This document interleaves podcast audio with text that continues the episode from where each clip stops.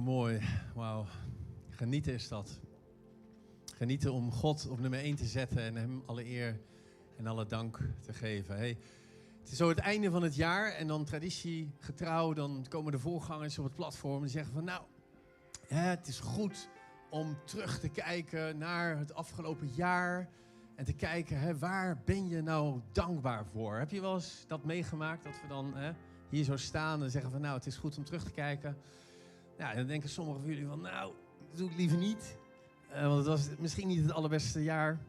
Het is natuurlijk heel goed om terug te kijken op welk moment dan ook. En te kijken naar wat is het nou dat God in je leven gedaan heeft. Als je dat nog nooit gedaan hebt, dan kan ik je zeker aanraden om dat in te bouwen in je, ja, in je gewoonte. Om terug te kijken Juist ook als je in moeilijke situaties zit. En te kijken, oké, wat heeft God nou voor mij gedaan? Er is een reden dat we onze gebedskaarten, dat die twee kanten hebben. Die hebben een gebedskant en die hebben een dankkant. Dan zien we vaak dat de gebedskant vrij veel ingevuld wordt en de dankgedeelte wat leegjes blijft. Nou, misschien zijn we er zelf schuldig aan, want we hebben gewetsavonden. Uh, we hebben nog geen, we hebben playground elke woensdag, maar we hebben nog geen dankground. Misschien, kijk even rond, een van de leiders zin om een andere avond te pakken en een dankground neer te zetten. Ik maak natuurlijk een geintje, maar het is natuurlijk wel zo dat we vaak naar God kijken voor datgene wat Hij voor ons doet. Dus als je naar het afgelopen jaar kijkt en dan kijkt waar je dankbaar voor bent. Misschien heb je wel een nieuwe baan gekregen, misschien heb je wel de partner van je leven ontmoet. Zijn dat typisch van die dingen waar je heel dankbaar voor kan zijn? En terecht. Ik bedoel, God is een God, ik heb het net gezegd, God is een God die van zijn kinderen houdt en die voor je zorgt en die je overvloedig wil zegenen. Alleen als dat het is, als we kijken naar God en dankbaar zijn voor de dingen die Hij doet, dan denk ik dat we nog een stuk missen. En zeggen nog, als we afhankelijk worden, als we kijken naar God voor datgene wat hij van ons, voor ons doet, als wij niet de dingen in ons leven zien die we eigenlijk zouden verwachten van God, of waar we misschien wel voor bidden, dan kan het zijn, en we hebben misschien allemaal eh, voorbeelden van mensen die we kennen, dat je teleurgesteld raakt in God. Zijn zelfs veel mensen die zijn van het geloof afgedwaald omdat ze teleurgesteld zijn in God. Teleurgesteld omdat ze dingen verwacht hadden van Hem. Weet je, misschien ben je een partner getrouwd en je partner loopt weg. Of je bent gezond en in één keer word je ziek. En dan bid je. En dan verwacht je. En dan gebeurt niet wat jij verwacht. Wat doe je dan? Helaas zien we dus dat vaak mensen teleurgesteld raken. Maar God die nodigt ons uit in zijn woord. Psalm 106, vers 1 zegt hij: Dank de Heer, want hij is goed. Zeg niet dank de Heer, want hij geeft je heel veel dingen. Hij doet veel voor jou. Dank de Heer, want God is goed. God is goed. Dat is wat anders dan God doet goed. Ja, God doet ook goed. We hebben heel lang de slogan gehad in CLC. God is goed en hij doet goed. Kijk, de ex-Hagenezen, die kennen hem nog. God is goed en hij doet, doet goed. Maar geloof jij dat God goed is? Los van de dingen die hij doet. Als ik tegen jou zeg, Max Verstappen is zo goed. Max Verstappen is zo goed. Was hij er? Misschien? Kijk. Daar is hij. Lucas blij. Max Verstappen is goed. Waar denk je dan aan? Ik denk dat de meeste van ons gelijk denken, een associatie hebben met hetgene wat hij doet, autoracen.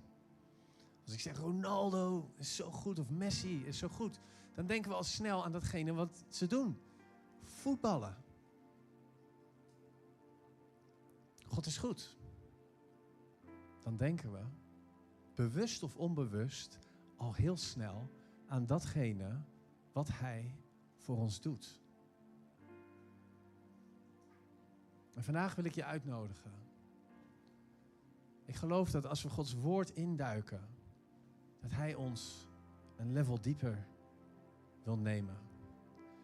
Het, het weten, het vertrouwen, het bewust van zijn dat God goed is, is je fundament voor een leven van dankbaarheid. Of andersom gezegd, een leven van dankbaarheid kan heel lastig en heel moeilijk worden. Als je fundament, als je vertrouwen en je geloof niet is dat God goed is, in welke omstandigheden dan ook. De Bijbel staat namelijk vol van allerlei schriftgedeelten waarin je in allerlei momenten van ellende heel erg dankbaar moet zijn, heel erg blij. 1 Thessalonicense 5, vers 16 tot 18. In de Bijbel in gewone taal staat: En wees altijd blij. Blijf altijd bidden. En dank God altijd wat er ook gebeurt. Want dat wil God van jullie, omdat jullie bij Jezus Christus horen. Velen van ons hebben, stellen zich ergens in het leven wel de vraag van, ja, God, wat wilt, wat wilt u nou van mij? Moet ik, moet ik deze baan nemen? Moet ik nou met deze partner verder gaan? Moet ik dit? Moet ik dit huis kopen of huren? Hier staat Gods wil voor jouw leven. Wees altijd blij. Blijf altijd bidden. En dank Hem altijd. Wat er ook gebeurt. Want dat wil Hij van jullie.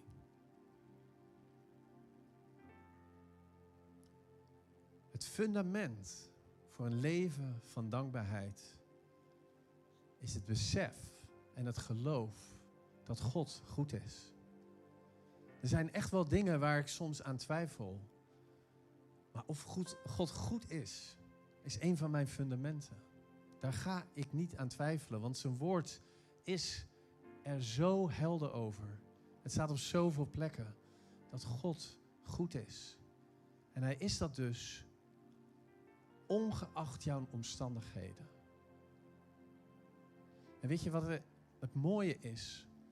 Als we gaan staan in Gods goedheid, wat er dan gebeurt, dan helpt het ons om van onze emotionele omstandigheden, waarin we naar de, naar de dingen om ons heen kijken, die we zien gebeuren, die eigenlijk niet, helemaal niet, vaak niet de schuld van God zijn.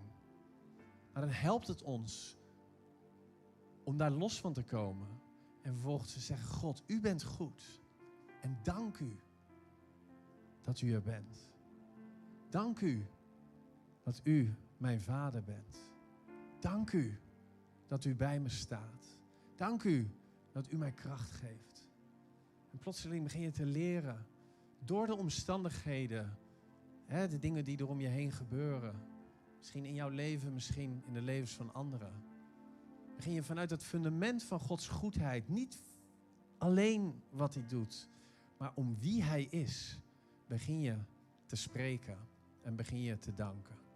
Hij zegt in Efeze 5 dat we're, we're raised with him and we're seated in heavenly places. Dus we, we zijn opgestaan met hem uit de dood en we zitten met God in de hemelse gewesten. En als je vanuit die plaats, vanuit dat niveau van autoriteit, wat hij ons geeft, naar de omstandigheden kijkt. Dat is heel wat anders dan dat we naar links en naar rechts kijken wat er om ons heen gebeurt. Mooi verhaal natuurlijk van Petrus die uit de boot stapt en naar Jezus toe loopt. En zolang hij zijn focus had op Jezus, was er niks aan de hand. Focus, toen hij de focus had op de omstandigheden om zich heen, begon hij te zinken. Ik geloof dat God ons uitnodigt om in de hemelse gewesten plaats te nemen zoals hij belooft. En vanuit de hemel te bidden naar de omstandigheden op de aarde. En vanuit de hemel dank uit te spreken naar alles wat Hij aan het doen is. En dan gaan we de ogen krijgen van God voor wat Hij aan het doen is, ook in deze tijd. En dan gaan we hoop krijgen van de getuigenissen die we lezen. Weet je, tegenovergestelde van dankbaarheid kan zijn dat we in een klaagmodus veranderen. Waar geen hoop is. Waar alleen maar ellende is. Misschien wel zelfs wanhoop. God nodigt ons uit om met Hem in de hemelse gewesten plaats te nemen. Openbaringen spreekt zelfs over dat wij, we will reign with Him. Dat we mogen regeren met Hem. Ik hoop dat jij dat tot je neemt. God is goed. Het is het, de basis, het fundament voor een leven van dankbaarheid. En weet je, de dankbaarheid is ook een keuze. Ik geloof dat God niet voor niets in zijn woord heel veel geboden geeft. Niet alleen in het Oude Testament. Ik heb vorige keer ook over gesproken. In de bergreden staan zoveel geboden. Ik denk dat als dingen vanzelfsprekend zijn, bijvoorbeeld lopen, je linkervoet en dan je rechtervoet, dat, is zo, dat gaat vanzelf. Dat hoeft God niet in zijn woord te zeggen. Maar misschien moet hij wel in zijn woord zeggen: wees altijd blij, omdat wij dat niet altijd zijn. Of wees altijd dankbaar, omdat we dat niet altijd zijn. Maar het is aan jou. Je hebt een keuze elke keer weer om dat te doen. En ik denk dat keuze, keuzevrijheid een van de mooiste, ja, de mooiste gift van God is aan de mensheid. En ik weet niet of je beseft dat God het was die de mensen een vrije wil heeft gegeven. Het was God die de boom, de boom des levens en de boom van de kennis van goed en kwaad in het paradijs plaatste. Het was God die toen al de mensen de keuze gaf. Vrije keuze om dingen te kiezen. En zo is dankbaarheid ook een keuze. En het is zo mooi. Ik denk dat, we, dat God ons uitnodigt door juist de moeilijke omstandigheden, door juist de dingen die we niet, niet zouden willen, nodigt hij ons uit om te groeien. We zijn nooit, hè, begrijp me niet verkeerd, we, zijn, we danken niet God voor de problemen. We danken Hem wel dat door de problemen dat Hij er is. En dat zijn beloftes waarkomen. En er staan een aantal van die beloftes in zijn woord, in Romeinen 5, vers 3 en 4 in de MBV. En dat niet alleen. We prijzen ons zelfs gelukkig onder alle ellende. Nou, ik weet niet hoe het met jou zat gisteravond om zeven uur. Dat je dacht van, oh yes, ik kan weer een paar maanden niet naar de kapper. Ik ben natuurlijk net van de week even snel geweest. Of dat je denkt van, oh yes, weer al die kinderen wekenlang op schoot. Ja, ik, ik, uh, zo ben ik gewoon als voorganger. Dus jullie moeten ik, uh, ook ik moet het woord in. We prijzen ons gelukkig, zelfs onder, andere, onder alle ellende. Omdat we weten dat ellende tot volharding leidt. Volharding tot betrouwbaarheid. En betrouwbaarheid tot hoop. Het is het eindresultaat van jij en ik in ellende. En onze dankbaarheid en onze vreugde uitspreken naar God is dat we volharden, dat we groeien in betrouwbaarheid en dat we hoop krijgen. Jacobus 1, vers 2 tot 4, soortgelijke tekst. Het moet u tot grote blijdschap stemmen, broeders en zusters, dat u allerlei beproevingen ondergaat. Wauw. Want u weet, wanneer uw geloof op de proef wordt gesteld, leidt dat tot standvastigheid. Als die standvastigheid ook daadwerkelijk blijkt, zult u volmaakt en volkomen zijn, zonder enige tekortkoming. Ik moet ook denken aan Jezus. Vlak voordat hij zijn bediening begon, werd zijn geloof op de proef gesteld. Werd hij, hij ging hè, de, de wildernis in en dan werd hij na 40 dagen vasten, werd hij zwaar op de proef gesteld. En hij kwam er, zoals je hier ook leest, hij, werd, hij was standvastig. Hij kwam er volmaakt zonder enige tekortkoming uit. En die uitnodiging is er ook voor jou en mij. Weet je, als je sterker wil worden, ik heb een aantal jaren in mijn leven naar de sportschool uh, ben ik geweest. Ik heb ook wat onderzoek gedaan. Hoe werkt spier, uh, spiermassa opbouw nou? Nou, je kunt zien, dat was een onderzoekje van één middag. Maar wat ik geleerd heb, is dat eigenlijk als je, als je dus een gewicht heft, dan eigenlijk wat er gebeurt is dat je spieren zich afbreken En dan vervolgens in het herstel, de dagen daarna, weer, ja, weer genezen. En dan, en dan steeds sterker en, en, en krachtiger word je daarvan. Dus eigenlijk is het hè, in de weerstand allereerst, maar ook in de pijn en de moeite die, daar, die daarmee gepaard gaat, dat je uiteindelijk sterker wordt. En dat is waarom God zegt dat je dankbaar mag zijn tijdens. Hè, er staat hier onder alle ellende. Niet voor alle ellende, maar onder alle ellende. Omdat het ons helpt om te groeien. Om volmaakter te worden. Om dichter bij Hem te leven. En zoveel van ons hebben die wens. Zoveel van ons hebben die wens om dichter bij God te leven. En hier hebben we er één. Alleen het is niet misschien zoals we willen. Het liefst zouden we misschien willen dat er helemaal geen problemen zijn. Maar het woord van God is er duidelijk in. Dat als je God volgt, als je Jezus volgt, dan zul je te maken hebben met allerlei, ja, allerlei. De Bijbel spreekt over vervolging. Nou, hier fysieke vervolging is in Nederland niet, voor zover ik weet, niet zoveel gaande als in de tijd van, van de discipelen. Maar wat ik wel lees en wat ik weet, is dat toen zij dat, toen zij dat doorkregen, toen zij de Heilige Geest in zich kregen, de discipelen, dat niets ze meer tegenhield. Dat ze nog maar één ding voor één ding gingen. En dat was Gods liefde en zijn liefde doorgeven aan de mensen om hen heen. En misschien weet je het of niet, maar het gros, volgens mij bijna alle discipelen, zijn uiteindelijk een gewelddadige dood gestorven. Maar toch zijn het dezelfde zijn het dezelfde discipelen die dit soort dingen schrijven. Dat in de wanhoop, in de ellende, dat ze God danken. Dat ze Hem op nummer 1 zetten. En die uitnodiging ligt er ook voor ons. Weet je, betekent niet dat als jij door ellende gaat, dat je niet mag rouwen. Dat je, niet, dat je geen verdriet mag hebben. Jezus die was, die was erg verdrietig toen zijn vriend Lazarus overleed. En het woord, hè, God zegt ook in zijn woord, in Romeinen 12, vers 15, wees blij met wie zich verblijdt. En heb verdriet met wie verdriet hebben. Dus het is heel belangrijk. En Daniel heeft het een aantal weken geleden ook goed verwoord. Weet je, misschien geloof je voor dit wonder hier en bid je daarvoor. Maar wat je ziet, of waar je, waar je nog bent, is hier. En ook daar is God. Ook in jouw pijn, ook in jouw moeite. En alsjeblieft, ja, die tranen mogen vloeien en je mag verdrietig zijn. We hoeven niet een soort fake iets op te houden en dat allemaal weg te stoppen. Maar tegelijkertijd, als we door periodes gaan, en misschien wel deze periode van anderhalf jaar, bijna twee jaar in de pandemie waar we in zitten, dat God ons uitnodigt en zegt van hé, hey, ik wil dat jij, als je terugkijkt op deze periode, dat je je God, dat je God zo dankbaar bent. Want het heeft jou gegroeid.